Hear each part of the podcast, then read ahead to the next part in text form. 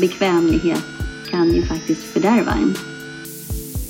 Och det har att göra med att vi som människor kan uppfatta kontinuitet, vi kan uppfatta tid. Mm.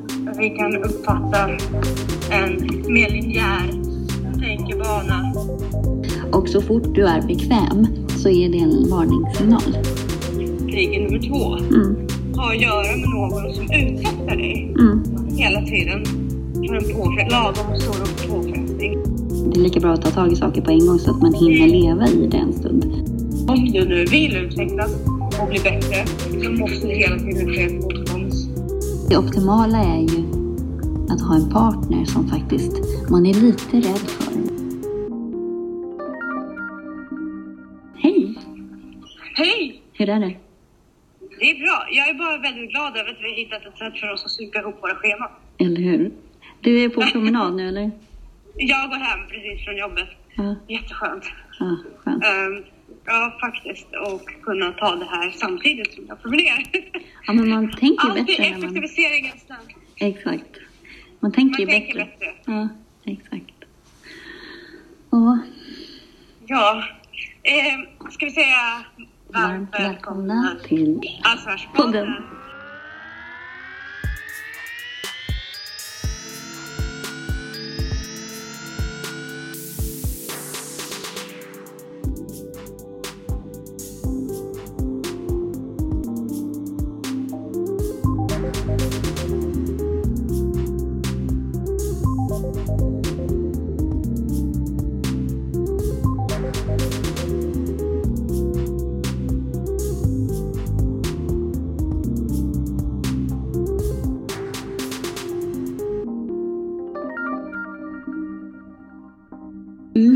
Osynkat, ja. Ja, Åh, jag shit. hoppas att det funkar. Ja, nej, det hoppas jag med. Det blir nog bra. Har du haft en bra vecka? Verkligen. Det har varit väldigt mycket på gång här.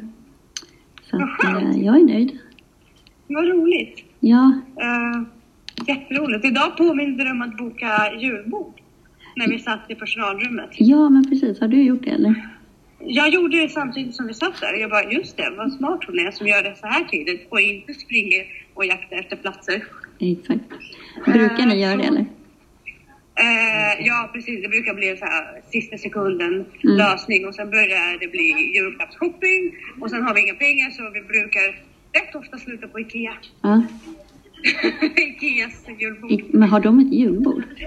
De har ett jättefint julbord, verkligen prisvärt och bra. Coolt. Om man är villig att eh, sänka sina standarder något. Så det har de haft i flera år. Mm. I år kanske de inte kommer ha det på grund av corona och deras restaurang har varit stängd ganska länge. Nej, precis.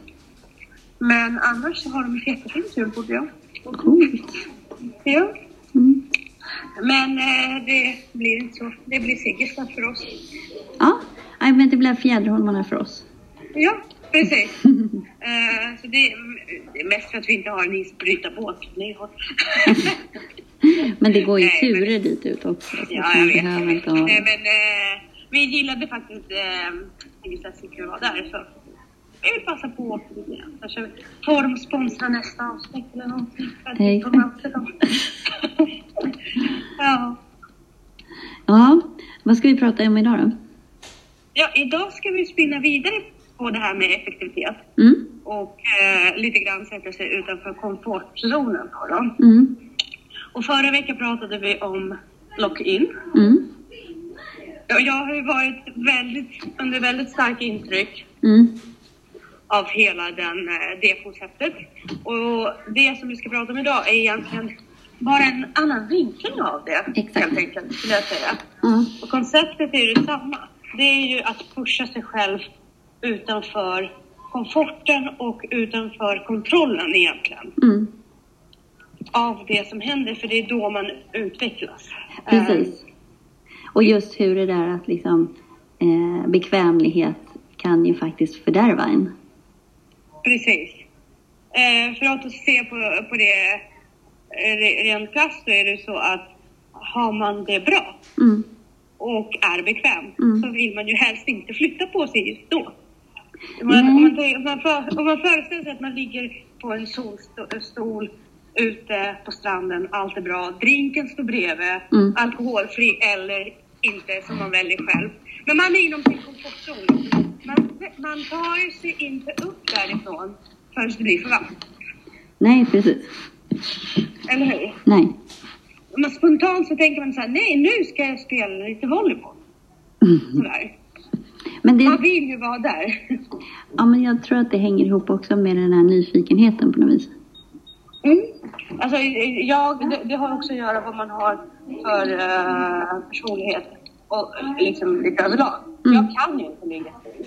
Nej. Men jag kan definitivt befinna mig väldigt länge inom min comfort zone när jag tränar. Mm. Jag tycker det är ganska skönt att hålla träningen på en nivå som känns precis på gränsen till utmattning. Alltså tills det blir, precis på gränsen till att det börjar bli riktigt jobbigt. Alltså om jag inte pushar mig själv Nej. förstås. Jag vill gärna ta min löprunda som jag känner mig bekväm med i den farten som jag känner mig bekväm med utan att pusha mig. Det är helt naturligt. Men utan att tänka på att pusha så kommer jag aldrig göra det. Nej, men precis. För då kommer du inte igenom motståndet och då sker ju ingen utveckling.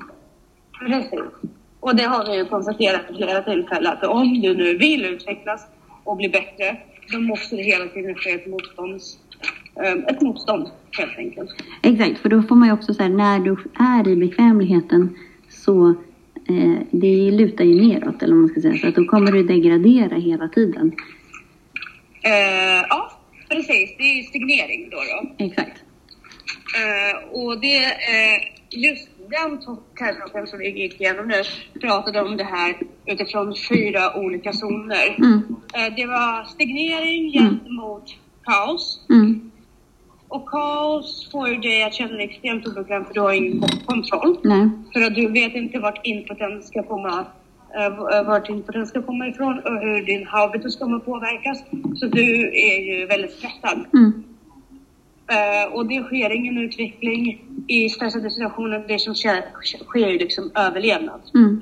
Sen har du, efter signering då har du ordning. Mm. Och det är när du har koll på allting Mm. och kontrollerar både din habitus men också ja, din egen input helt enkelt och allting flyter på Mm. enligt din egen kontroll. Mm.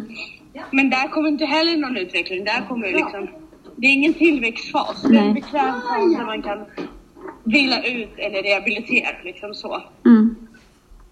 Eh, Samla erfarenhet möjligtvis av just en specifik process. Mm. Men för att sedan utvecklas så måste det tillkomma en viss eh, grad av, av kaos. Mm. Men som inte, alltså eh, motstånd. Helt enkelt motståndsfasen. Mm. Och det är just den här motståndsfasen som du, som du kommer att utveckla. Som inte är alldeles för kaotiskt. Det får inte vara kaotiskt. För du ska ändå kunna kontrollera Mm. och framförallt utvärdera det du gör. Du ska, du ska inte vara stresspåslag och överlevnadsinstinkt. Men det ska inte heller vara ordning. Så där, mellan ordning och kaos, där någonstans. Ja men precis, en hanterbar utmaning.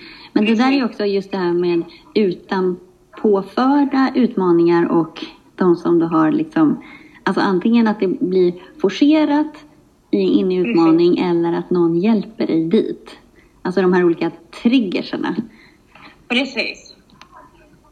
Ehm. Och där, där har vi då eh, när du blir utsatt för omständigheter som du inte kan kontrollera. Mm. Till exempel som i talens fall, han blev utsatt för att han blev sparkad från sitt jobb. Ja. Eh, och det tvingade honom in i en ny utvecklingsfas och Mm. han valde att inte ligga hemma och vara deprimerad och söka liknande jobb. Precis. Utan det han valde att göra i den situationen är att ta chansen och göra något nytt och eget. Mm.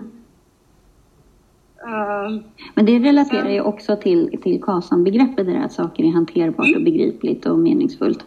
Eh, just det där att man kan ju välja i den situationen som han gör då, liksom att, att ta tag i det. Och att man säger okej, att man skapar en mening för sig själv. Så här, det här hände av en anledning, att man har någon form av ödestro. Då blir det ju mycket, mycket lättare att gå vidare och förstå och faktiskt bibehålla någon form av lycka. ja, och det har att göra med att vi som människor kan uppfatta kontinuitet, vi kan uppfatta tid. Mm. Vi kan uppfatta en mer linjär tänkebana gentemot djuren som bara riktar in sig på intryck för tillfället. Mm. Vi kan ta konsekvenser, vi har konsekvenstänkande liksom, så vi behöver förankra. För att hitta en ordning så behöver vi förankra det i en epos för oss själva. Ja. Eh, vilket är också meta, metakognitivitet, Ja. helt enkelt. Exakt. Med andra Mm. Ehm, och, men det är ingenting man kan sitta och vänta på i sitt liv egentligen. Nej. Ehm, utan vad man kan göra är ju steg nummer två. Mm. Ha att göra med någon som utsätter dig Mm. hela tiden för en påfre- lagom stor påfrestning. Precis. Till exempel en tränare, Mm. en coach, en lärare, en förälder. Mm. Någon i ditt liv som hela tiden sätter, pushar dig utanför din comfort zone. Mm. Och så du får pröva dina vingar. Exakt. Nej, men det är jätte, jätte, jätteviktigt om man vill fortsätta utvecklas och just för att kunna ta det så att man inte bara känner den här förvirringen och, och maktlösheten. Att man hela tiden söker mening för sig själv och de här små meningarna liksom att Eh, man ja, eh, absolut. Och eh, överhuvudtaget för att kunna hitta en anledning till varför du ska utvecklas. Du ska inte utvecklas i sig. Nej. det, du, du ska ju det. Mm. Men det är väldigt svårt att hitta motivation till att bara vakna imorgon och bara nu ska jag ta och utvecklas lite. Mm. Det måste finnas en incitament för lusten att utvecklas. Mm. Och där tror jag det är väldigt viktigt att som som vi har tagit upp på flera tillfällen, att ha rätt miljö vad gäller umgänge. Mm. Dina, dina vänner ska gärna ligga lite före dig. Mm. Inte, inte i allting kanske, men att alla i din omgivning ligger före dig i något. Mm. Som kan pusha dig till att faktiskt sträva efter den här utvecklingen så att du inte stagnerar. Liksom. Precis. Det är ju jättetråkigt om man, om man befinner sig ja, på en plats av stillastående att umgås med de som också står still för tillfället. Det är ju ingen som kommer dra ut någon. Precis, men det finns ju en viss eh, bekvämlighet i det. Eh, Ja, Men också den här eh, som, som du var inne på, liksom det här att, att trigga sig själv, den är nästan svårast. mm, man, det är den ju. Därför att där måste... Men den svåraste personen att lura är ju sig själv. ja, precis. Uh, varför ska man göra det? Ja. Vad är ändamålet? Hur, hur, hur mycket kan man trycka sig själv? Liksom? Mm, någonstans kickar överlevnadsinstinkten in och försvaret kommer in. Mm. Och den är mental och fysisk. Ja, Men du vill ju inte bli en för rastlös människa heller. Nej, precis. Man måste hitta balans. För det, det kan man ju fråga sig ofta att har jag gjort, alltså, har jag tagit på mig för mycket nu? Mm, För du vill ändå ha resultat. Du vill inte bara snurra i onödan. Du Nej. måste ändå ha tid att utvärdera mm, och liksom utvecklas vidare. Sålla bort det som du känner inte riktigt är din grej, för man Nej. måste kunna göra det. Det är väldigt viktigt därför att i längden eh, så finns det ju en kurva oavsett vilket projekt man håller på med där man börjar förlora mm, på det. mm, Och det kan en tillväxtkurva i utveckling, den kan ju se olika ut. Men någonstans måste man ju kunna se sanningen i vitögat och säga okej, det här har jag investerat så många timmar i. Mm. Men det går inte ihop med min livsstil. nej, Jag måste släppa det. mm, Och det är många som har svårt med det också. absolut. Verkligen. Och inte minst att vi har pratat om giftermål.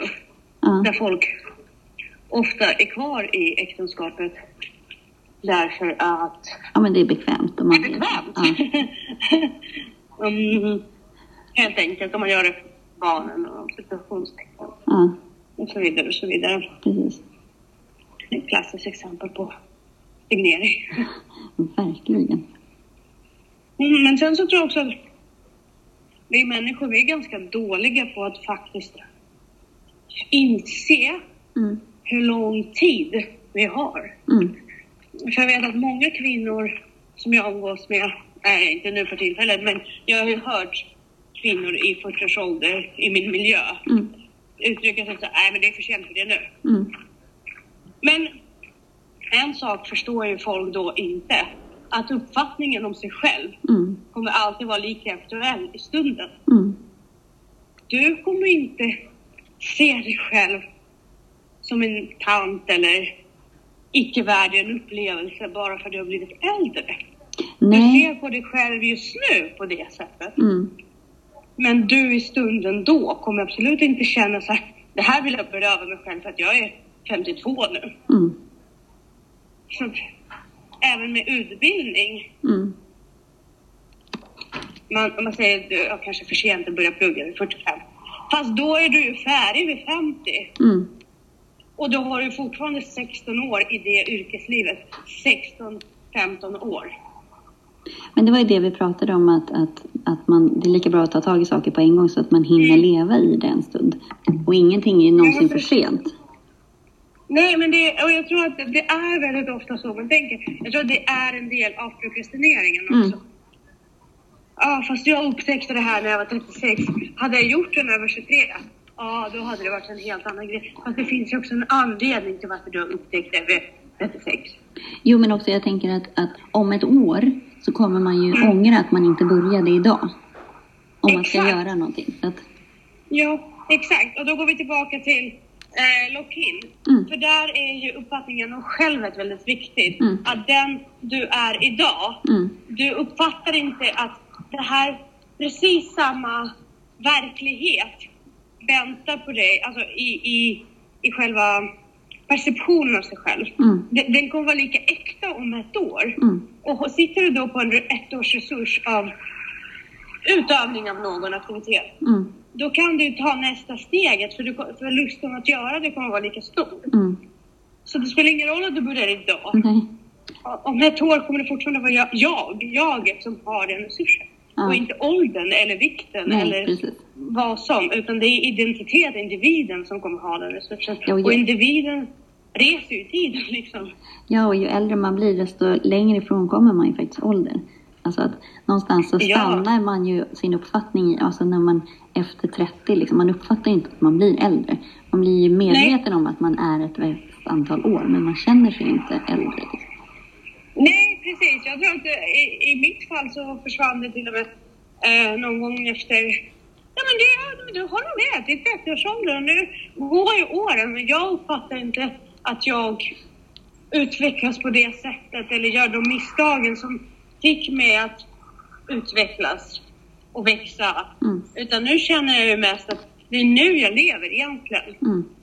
Och nu finns det faktiskt utrymme till att göra saker mer kvalitativt. Mm. Absolut. Det händer otroliga grejer med självkänsla också. Mm. Verkligen.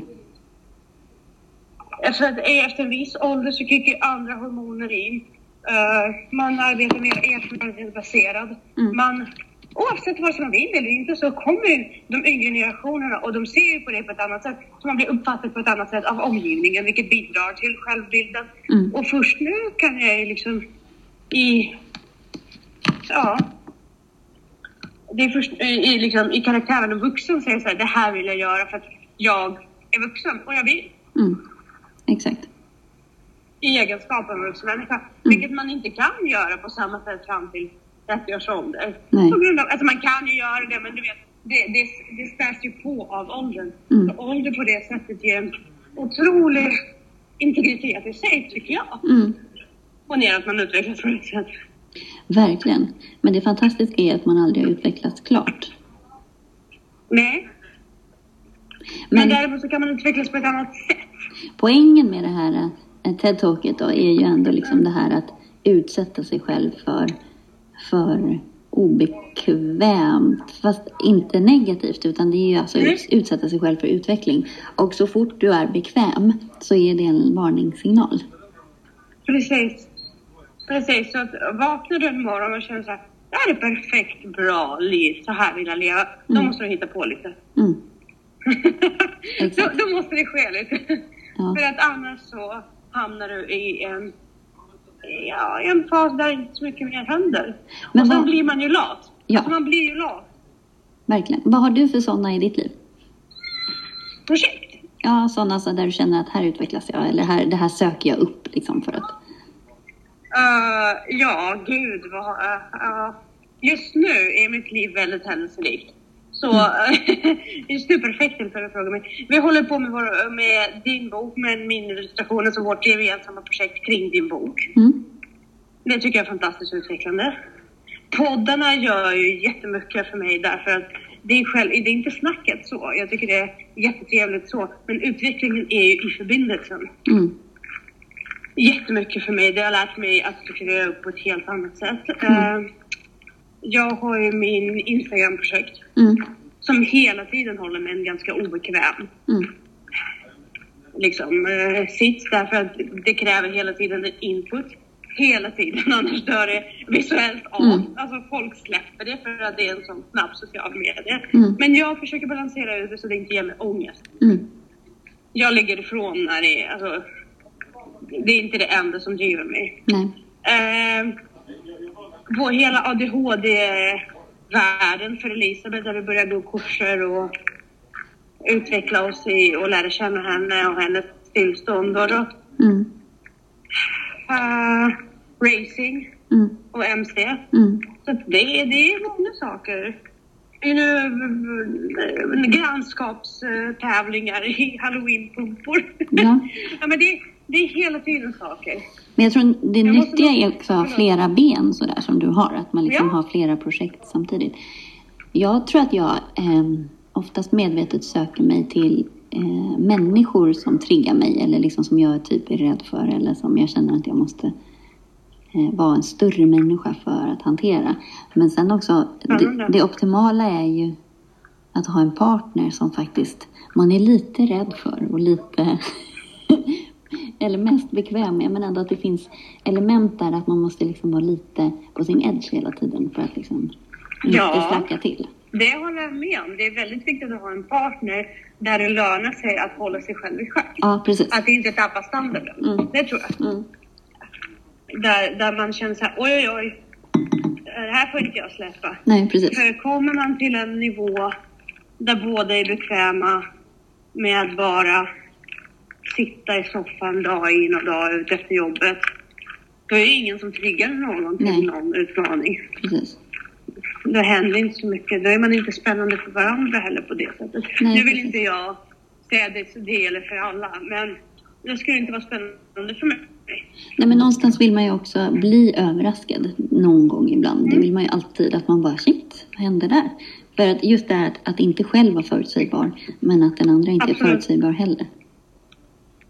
Absolut, men där måste här med oförutsägbar partner måste ske på ett väldigt speciellt sätt. Mm. Jag vill inte att min partner oförutsägbart sätter mig i en ekonomisk obalans. Liksom.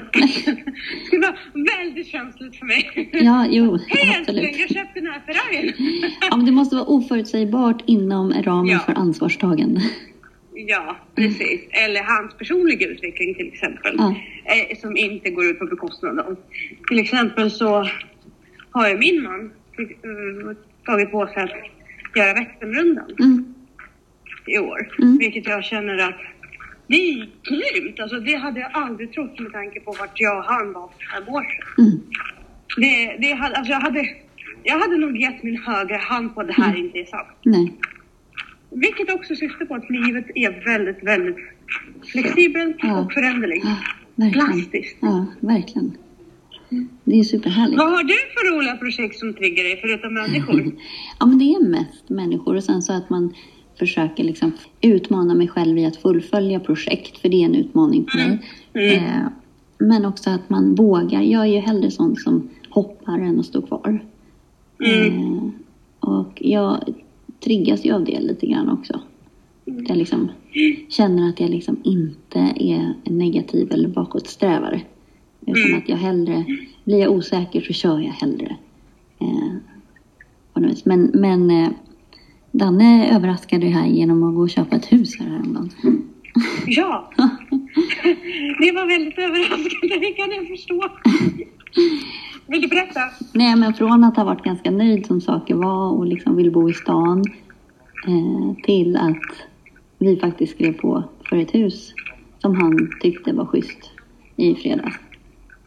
Mm. Är inte det ganska fantastiskt? Jo, men det gick väldigt, väldigt fort. Jag sa det till honom också. Jag, bara, jag är så imponerad av dig. Att du liksom bara bytte perspektiv och körde. Sen så är han sån när han väl får en idé så kör ju han. Men jag Ja. är inte van vid att han är så flexibel i tanken som han var nu och tvärvände. Det var coolt. Eh, ja, jag tycker det var coolt att du gick med på det utan att sätta huset. Men- jag vet ju att Jag det långa litar ju på honom. det vikt, precis, och det viktiga för dig är att du är med honom. Ja, precis. Och det är ett, alltså, det är ett jättefint hus, vad ska man säga? Det tror jag. Herregud. Nej, nej, det tror jag verkligen. Det är inte det, men själva det här att inte ha kontroll till exempel. Ja, men på sådana grejer är jag inte så kontroll. Sen kommer det ju säkert, det kommer ju vara grejer som man känner så här, eh, oj, hur löser vi det här? Men det är också en grej så här, men vi löser det. Det är en utmaning Ja. i sig. Så att, eh. Fantastiskt sätt att se på det. Faktiskt väldigt lärorikt. Och jag måste också ge er en komplimang. Ni var på middag hos oss. Åh, det var så gott. Jag måste ge er en komplimang. ja, men... eh, Ja. Det var så mysigt och så gott. var Och så härliga människor. Jätteroligt. Men du var ju en stjärna. Va? Du var ju så social och så bjussig. Och Danny är ju så som person. Alltså inte för att du inte är det, men förstår du vad jag menar? Du Ja, men- har ju utvecklats enormt mycket från första gången jag har sett dig i sociala sammanhang. Ja, men vet du, det har, det har inte, det har med vilka som är där. Alltså vilka som, det blev ju intressanta samtal. Och då, Mm. då går man ju igång på det. Det här handlar faktiskt om att du var jättefantastisk och jag kände att gud vad skönt att ha dig på den här middagen. Och bara känna att du, har, du, du håller täten liksom för mig när jag vänder bort mig med tallrikarna och inte berättar mina pinsamma historier. Men du var ju fantastisk. Nej, men... men- jag kände att jag var lite Ja. väl så här, outspoken. Jag liksom Nej, jag tycker det var var lite provokativ. Ja, det var du. Det var du och jag älskade varenda sekund av det. Jag tyckte det var så bra. Det var fantastiskt. Jag Men det älskade heroinreferensen. Jag, jag, när du sa det så blev jag på riktigt väldigt, väldigt upphetsad. Ja. Det här händer. Det, det, var, det var faktiskt ett wow. Ja, nej men fantastiskt. En Eh, heroin vi kommer moment. inte... ja, Jessica jämförde heroin med kaffe. Exakt. Ja. Men det var, det var, det, det var ju väldigt klokt sagt, det var det. Men eh, det var också väldigt otippat och eh, väldigt kontroversiellt och det lyfte på ögonbrynen. Men, men det var fantastiskt. Jag var så glad och så tacksam. Jag tänkte tillbaka faktiskt nog flera gånger efterhand. ja, nej men det var väldigt, väldigt mysigt. Mer sånt. ja, men, mer så ja, det, jag sa det. Nu kommer Gatsbyhuset dra igång i grannskapet. Eller hur? När du flyttar ihop med Danne. Jag bara inväntar. Väldigt spännande filosofiska kvällar. Exakt. Ja, Vi får, vi får sända live någon gång. ja absolut. Ja. Men eh, ska vi eh, sätta punkt där för idag? Jag tror det. Jag tror att ämnet är uttömt. Ja. Eh, fortsätt att sätta dig utanför komfortzonen. Ja, absolut. Dock inte vad gäller dina egna skor, för de ska alltid vara bekväma. Yes. Klokt sagt. Eller hur? Ja. Tack för idag. Tack själv.